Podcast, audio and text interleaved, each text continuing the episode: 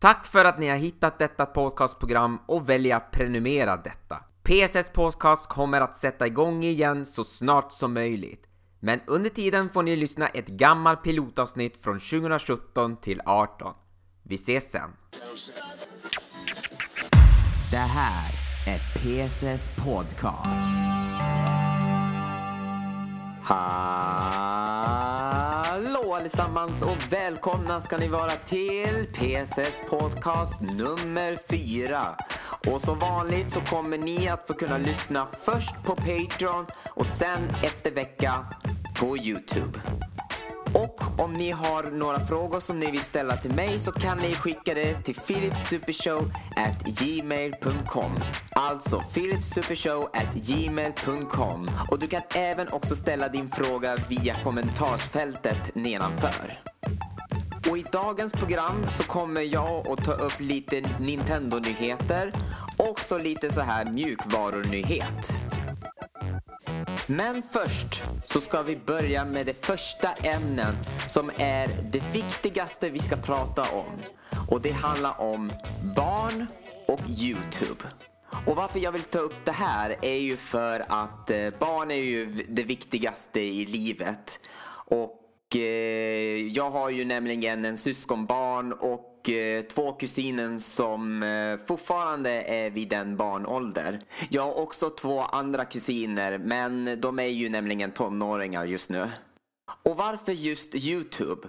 Jo, för när det gäller barn så är Youtube inte det säkra stället att vara på. Och det tänker jag berätta mer om det. Men innan jag gör det så ska jag berätta att jag är inte det första som pratar om just det här. För det finns ju andra som har ju pratat om det. Och en av dem som jag hörde ju först var ju från Cadigarus. I en video så gjorde han en recension på barnprogrammet Greta Gris. Och då råkar han göra i slutet av recensionen efter när han har recenserat vissa av avsnitten att de kan hitta olika sådana här samlingar på avsnitter på Youtube. Men sen efter en månad så gjorde han en ny video där han tror att han gjorde något misstag. Men det tror jag inte. Men han tog en väldigt intressant ämnen om eh, det han läste nyheter om eh, de störande video om Greta Gris och alla andra barnprogram för att lura barn. Så det första vi ska fundera på, vad är viktigast med barn? Och det viktigaste är ju att de mår bra. Och att när de växer så ska de ändå må bra. Och vad de brukar göra för att de ska må bra är att de brukar alltid leka med leksaker. De brukar ju lyssna på barnvänliga låtar, som till exempel som barnvisor. Och så tittar man på barnprogram på TV som till exempel Bolibompa. Och därför så tycker jag så att Youtube är inte bra plats för barn. Och här är varför. Youtube är ju en gratis tjänst. Och alla kan ju ladda upp vilken video som helst. Och vissa av dem brukar ju ladda upp en klipp från en tv-program eller kanske hela avsnitten om inte den tas ner av tv-bolaget. Och det är inget fel att se på programmet eftersom att vissa av dem brukar ju inte visas här i Sverige eller att de aldrig visas den mer på TV. Ja, nu för tiden finns det ju öppet arkiv, men de brukar alltid begränsa vilka tv-program som de får visas där och sen tar de bort sen efteråt om de tappar licens på det. Men det är bara SVT. Det finns ju också TV3, TV4 och Kanal 5 som har också visat barnprogram som inte visas längre just nu och att det är svårt att hitta dem än på Youtube. Och därför så brukar ju föräldrarna söka efter dem på Youtube för att barn ska kunna se på de tv-program. Och det ser jag problemet. För skillnaden hur det är nu och hur det var förut är att när jag var barn så fanns ju inte Youtube. Och det fanns ju inte sånt som man kunde hitta barnprogram på nätet. När man fick se barnprogram så såg man ju på TV. Och att man har ju möjlighet att man har barnprogram på VHS-kassett.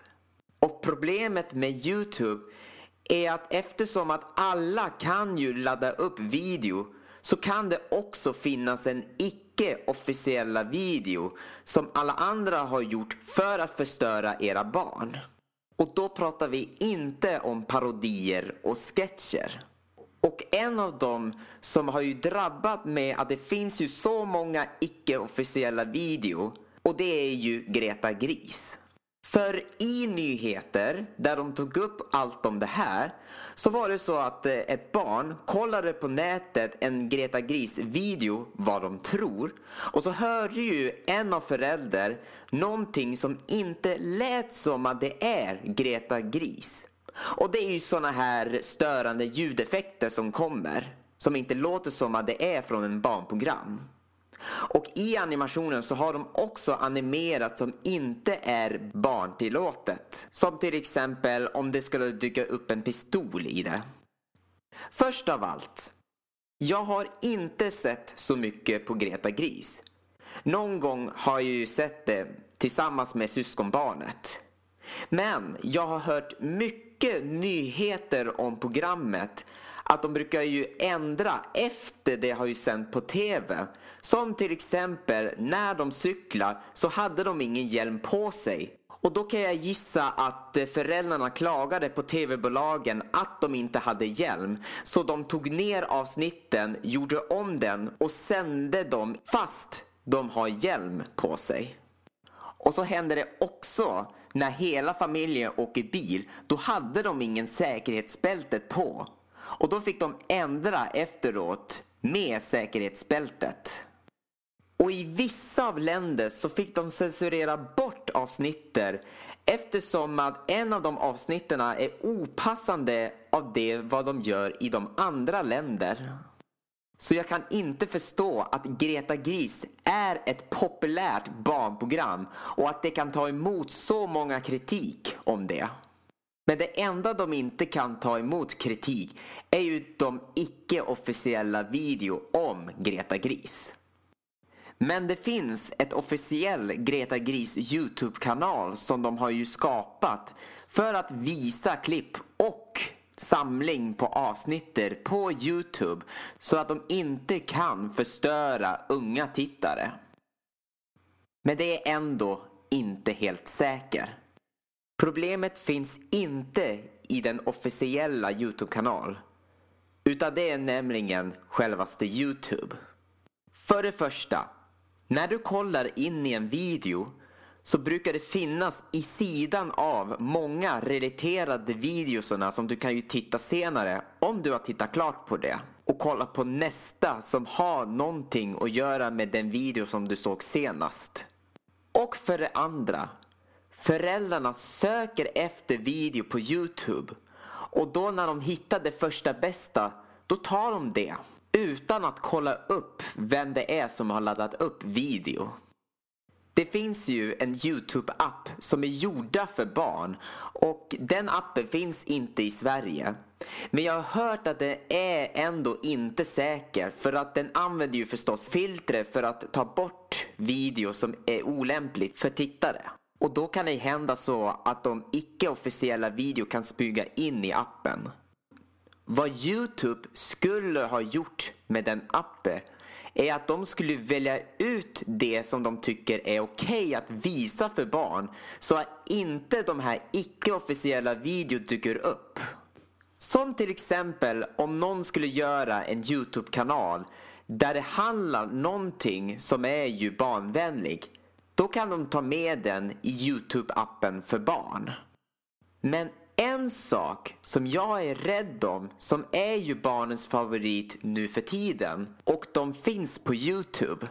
Och det är Babblarna. För de har ju blivit jättekända på Youtube med alla videos som de har gjort med låtar och animationssnuttar.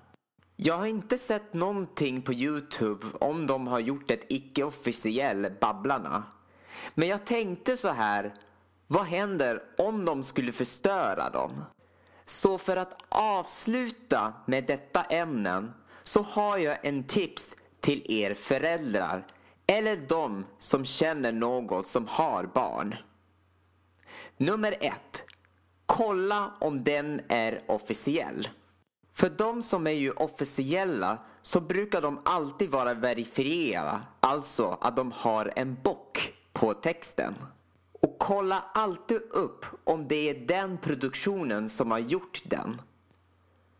Nummer två. Titta på den först innan du visar barnen. För det brukar alltid vara så att man är lite osäker vad det är som visas. Och om det är någonting som du inte tycker om som visas i den, då visar du inte den för barnen. Och slutligen, nummer tre. Kolla alltid upp på den officiella hemsidan. För där så brukar de länka till de sidorna som de har ju skapat själv. Och då kan det vara så att de länkar dig till den rätta Youtube-kanalen. Och det är min tips. Men om du vill verkligen vara säker vad du vill visa för barnen, använd inte Youtube. Utan gå till den som man litar på och det är ju TVn. Eller på streamingsida för barn som SVT Play och SF Kids. För där kan man ju verkligen lita på vad de visar. Nu så tycker jag att vi lämnar från den här långa ämnen och går direkt till de andra. I höstas så har nu Nintendo gått ut med att Wii Shop Channel stängs ner nästa år, 2019. Och det här är ju en stor grej för Nintendo då i Nintendo Wii. För med just det så kunde man ju ladda ner kanaler innan när iPhone eh, dominerade med appar. Och med det så kunde man ju ladda ner internet som eh, körs av Opera.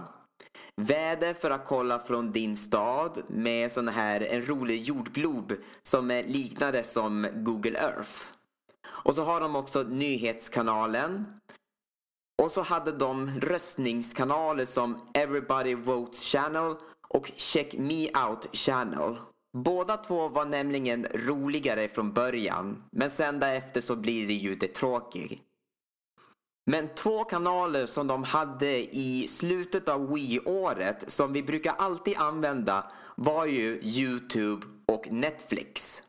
Och det gjorde att eh, vi slutade att tänka med att vi vill ju ha DVD-spelare i en Nintendo-konsol. För du kan ju nämligen streama från din eh, Wii-konsolen. Och jag kan säga som jag var lite överraskad är att bildkvalitet när man ska titta på filmer och tv-serier och video är ju rätt bra kvalitet. Men då pratar vi om standardkvalitet eftersom att Nintendo har inget HD-format inbyggt. Men framförallt som de har i WeShop Channel är ju förstås spel. Och det bästa de hade är ju Virtual Console där de släpper ut gamla spel på nytt. Och då hade de spel från den första Nintendo-konsol, Super Nintendo, Nintendo 64, Sega Mega Drive, Sega Master System, TurboGrafx 16, Commodore 64 och Neo Geo. Och det känns som man sitter och spelar från en gammal tv-spelkonsol. Och eh, då menar jag att eh, från början så hade jag en tjock-tv och eh, då var bildkvalitet gjort som att det var från deras eh, gamla konsolen. Och det var väldigt nostalgiskt när man satt och spelade sådana där spel på 90-talet. Men det är inte bara gamla spel som de har, utan de har även nya spel. Och lite senare så släppte de ut en ny som heter WiiWare. Och eh, det roligaste är ju är att med de här stora spel som eh, Super Smash Brothers, Legend of Zelda och eh, vartannat finns det som är så stort. De brukar ju alltid säljas i affärer. Men när det gäller små spel som pusselspel, indiespel och eh, sådana här eh, plattformsspel som inte behöver säljas som skiva. Då har de ute i WeShop Channel som WeWare där du kan ladda ner. Och så är det också billigt pris. Och spel som jag hade ju laddat ner från WiiWare var ju nämligen Dr. Mario. För vem annars tycker inte om Dr. Mario när det är en liten eh, Tetris-kopia eh, fast på en helt annat sätt man spelar. Och jag minns ju när jag satt och spelade det här spelet Dr. Mario på Gameboy. Och det är ju rätt roligt och så kan man ju nämligen spela med eh, varandra så jag brukar ju spela mot min morsan på det för hon är också bra på Dr. Mario. Men som sagt, det här spelet är ju ett småspel och den är gjord för att laddas ner och inte säljas som skiva. En annat spel som jag brukar köra från WiiWare som eh, är ju episodigt och det är ju Strong Bad's Cool Gay for Attracting People. Och eh, det är ju rätt roligt eh, på just ett sätt att det är ju en peka och klicka-spel. Men det enda som är jättebesvärligt med det här spelet är ju att de är alltid försenade med att släppa ut det här spelet till Europa. Som till exempel när de ska släppa ut Episod 3 så är de en månad försenad och eh, då hade de innan släppt ut den på PC och den amerikanska WiiWare. Så detta är nämligen jättebesvärligt för mig att vänta på nästa episod. Men det bästa spel som jag körde från WiiWare, som du kan ju hitta den på iPhone och även på Steam, och det är ju World of Goo. För jag tycker det är så roligt när man ska försöka bygga med de här fläckar för att de här eh, små fläckprickar ska komma vidare och bli uppsugd av eh, en rör. Och förstås så är ju musiken riktigt bra. Så ni måste ju faktiskt lyssna på det. Det låter ju riktigt bra från det spelet. Men nu när eh, nya konsoler har kommit som eh, Wii U och eh, Nintendo Switch så är det ju förstås eh, äntligen dags att eh, lämna från Wii Shop Channel när de ska stänga ner nästa år. Och eh, det är ju det som de gjorde när de ersatte ju med Nintendo E-shop. Men det är ju lite skillnader och det är ju förstås att eh, i E-shop så finns det ju inte så många virtual console. För jag vet att de tog in Nintendo Wii som virtual console och det är ju rätt bra. Men de har inte lyckats få in alla spel som fanns på Wii Shop Channel. Så om du inte vill förlora alla dina virtual console-spel som du hade på Nintendo Wii så passa på att ladda ner innan den försvinner. Nu håller vi kvar den här Nintendo-snacket för vi ska nämligen prata om en tillbehör som Nintendo kommer att släppa ut och det är Nintendo Switch Labo. Och detta gick ut oväntat för några veckor sedan. Och vad det är, är en tillbehör där du får en kartongskiva som du sliter ut, viker den och bygger den till en sak för att använda till Nintendo Switch.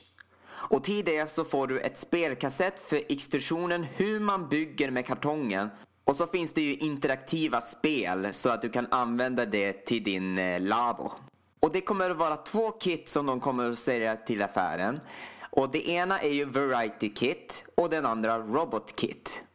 Vi börjar med Variety Kit och det ser ut som att det har någonting med samhället att göra. Och med det så kan du bygga en piano, en bärbar motorcykel, en fiskespö och ett hus. Med RobotKit så kan du bygga själv som ett robot och då bygger du upp som en ryggsäck som du kopplar ihop med trådar som du drar med händerna och fötter.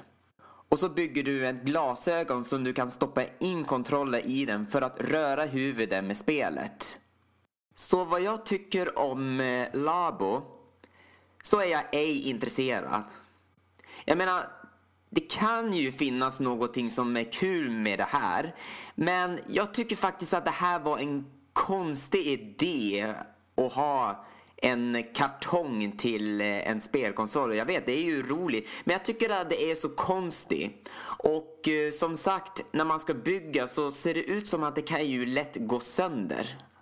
Men vad det hade varit bättre om man skulle släppa ut med en kartong är ju om man skulle ha en VR-glasögon. Precis samma sak som Google Cardboard. För det har varit mycket spekulationen om att eh, Nintendo Switch ska vara lite mer VR eftersom skärmen är ju bärbar. Och då kanske det hade varit bra om man gjorde det som med kartong. Att man bygger den och så stoppar man in eh, skärmen i den. Och så kanske man får med en extra glas som man stoppar in i kartongen. Så att man kan ju se när ögonen är i närheten av skärmen. Och det hade ju varit roligt. Men en sista fråga som jag har funderat över. Vad gör man när man är klar med Labo? Ska man montera ner kartongen efter man har ju använt eller ska man sätta dem i hörnet? Det är en fråga. Och nu tror jag det är dags att gå över till nästa ämnen som kommer att vara lite grann av programvaror. Och vi börjar med OBS. Och OBS står för Open Broadcast Source. Och det är en gratisprogram där du använder för att sända live direkt på internet. Varken om du använder Twitch eller Youtube. Och jag använde ju det när jag skulle sända live och jag kan säga sådär att jag är ju rätt nöjd med det programvara när jag ska använda när jag ska sända live när jag sitter och spelar eller om jag gör reaktion. Och sen har de släppt ut en ny version av OBS som eh, jag kan säga att den är rätt bra är det. Det blir lite mer proffsigare att använda när man ska sända live. Men det är inte det ämnen vi ska prata om. Det jag vet med OBS är att du kan använda genom att byta scener i bilden. Så det vill säga om jag vill byta från min webcam till en bild, då kan jag göra det. Eller ha en webcam i hörnet med spelet bredvid. Och samtidigt så använder jag en sida som heter Streamlab. Och det är en sida där man får donationen från tittare och ha som också en liten sån här chattruta om det är någon som skulle chatta man skulle lägga till i bilden. Och så få lite så här alert om någon skulle prenumerera eller få donation. Men att använda Streamlab är ju lite invecklad. För i det så måste man ju kunna kopiera och klistra in URL i streamen. Och då är det lite komplicerat att använda det. Så vad Streamlab gjorde är att de har gjort ett eget OBS som är Streamlabs OBS. Och vad det är, är att allt du använder i Streamlab finns nu i programmet. Så detta betyder att allt du använder om du skulle lägga en alert eller chattrutan, då behöver du inte kopiera URL. Allt du behöver bara är att lägga till och sen är det ju klart. Och sen har de också gjort så att eh, det chattet som du är kopplad till, varken om du är på Twitch eller Youtube, så kommer det också att dyka upp i programmet. Sen har de också skrivit att när du använder det programmet så sparar du 25% CPU. Så det kommer inte att dra mycket datakraft från din dator. Och så har de också dubbelt bättre videobild när du ska streama från spelet. Och det tycker jag att det låter rätt bra. Att allt du använder finns i ett program. Men när det finns någonting som är bra så finns det också ett nackdel med det. Och det är att just nu så går den i beta. Så det finns bara i Windows-version av det programmet. Så Mac och Linux finns inte tillfälligt. Och så saknar det också Studio Mode så att eh, du kan inte kolla in före innan du lägger ut bilden på streamen. Så jag kommer att fortsätta att använda den vanliga OBS. Men ni som är ju en gamer och vill verkligen sända, då kan jag verkligen rekommendera Streamlab OBS. Hur många av er tycker om att photoshoppa? Då kommer min nästa fråga. Hur många av er har Photoshop? Hur många av er har en helt annan Photoshop-program? Och det ska vi prata om just nu. Det jag använder hemma är ju Pixelmator och det är ju en Photoshop-program för Mac. Och det är likadant som Adobe Photoshop. Men det här så tycker jag att den är bäst och proffsig. Och så är det också billigast. Och eh, när jag köpte den så var det ju någonstans på 200 kronor. Eh, men nu för tiden så har de höjt eh, priset på självaste programmet. Och jag tror det har någonting att göra med App Store som gjorde som att alla appar höjde ju priset. Men det är inte bara Mac-datorn som jag har, utan jag har också Pixelmator i min iOS-enheter. Och eh, den har ju lite enklare redigeringen, men det funkar att photoshoppa bilder på andra enheter. Nu när jag tittade in på Mac App Store så såg jag att Pixelmator har släppt ut ett nytt Pixelmator-program, Pixelmator Pro. Och vi ska ju prata om vad det är som är skillnad mellan den vanliga och Pro-versionen. I den vanliga Pixel Major program så brukar ju fönstret vara fritt runt om i skrivbordet. Och då kan det vara så att lager ligger på ett ställe, funktionerna på ett ställe och eh, effekterna på ett ställe. Eh, men i Pro-versionen så har de lagt alla funktioner i ett fönster. Och eh, det får mig att påminna mig om iOS-versionen. Så om du vill få fram lager så tar du fram lager genom att klicka fram. Eller om du vill få fram effekter så klickar du fram det. Eller om det var färgen fram så klickar du fram det. Så det är exakt likadant som i iOS. Och sen nästa så använder Pro-versionen en Metal 2 grafikmjukvara. Så det betyder att eh, grafiken blir ännu bättre när du ska sitta och redigera. Sen har ju Pro-versionen en funktion som är väldigt smart och det är maskinlärning. Och vad den gör är att den kan hjälpa dig att redigera bilder. Som till exempel om du använder plåsterfunktionen för att reparera bilden så kommer den att hjälpa till att hitta rätt del i bilden och sen ersätta den. Eller som om du skulle kunna markera på personen så kommer den att hjälpa till och justera den så att den är markerad på den. Eller om du använder roteringsfunktionen så kommer den att rotera på rätt vinkel på den bilden. Och sist så kommer den att känna in i lagret när du lägger till en bild i den. Och så kommer den att skriva in automatiskt vad det är på bilden. Och det låter ju rätt roligt. Sen har också Pro-versionen något som är väldigt viktigt och det är permanent ångra. Och vad det är är att om du har redigerat en bild, stänger ner programmet så försvinner ju inte det som om du ångrar på någonting. Så när du öppnar upp så kan du ångra på det som du har redigerat. Och det är ju rätt bra. Sen finns det ju massor av funktioner som de håller på att jobba på. Men en funktion som är väldigt intressant för att se och de kallar ju för Vectormator. Och vad är det för något? Min tanke är ju att det kommer att vara en vektorbaserat program som Illustrator och det tror jag att det kommer att toppa att använda en vektorprogram i Mac-dator. Och det är Pixelmator Pro. Och priset är ju förstås lite dyrare men det är nästan lite billigt också. För det kostar ju 649 kronor i Mac App Store. Så min nästa fråga är Ska du skaffa Pixelmator Pro? För mig så kommer jag att stanna kvar med den vanliga Pixelmator. Men om jag har råd så kommer jag att köpa in Pro-versionen. Sådär ja. Det där var den fjärde avsnittet av PSS Podcast. Och om det är så att du har några frågor som du vill ställa till mig så kan du skicka fråga till philipsupershow@gmail.com Alltså philipsupershow@gmail.com Eller så kan du bara kommentera där nere i inlägget. Om du vill se alla mina animationer, video och recensioner och livesändningar så kan du prenumerera på Philips Super Show på Youtube. Och eftersom att Youtube har ju tagit bort eh, intäkter från min kanal så kan du istället stödja mig på Patreon och det gör du genom att gå in på patreon.com pss och så kan du stödja mig en dollar varje gång jag gör huvudvideo. Och så kan du stödja mer om du vill. Och nästa gång så kommer det bli det sista pilotavsnitten av den här podcasten. Och då kommer jag att berätta hur det har gått, om det kommer att bli någonting senare.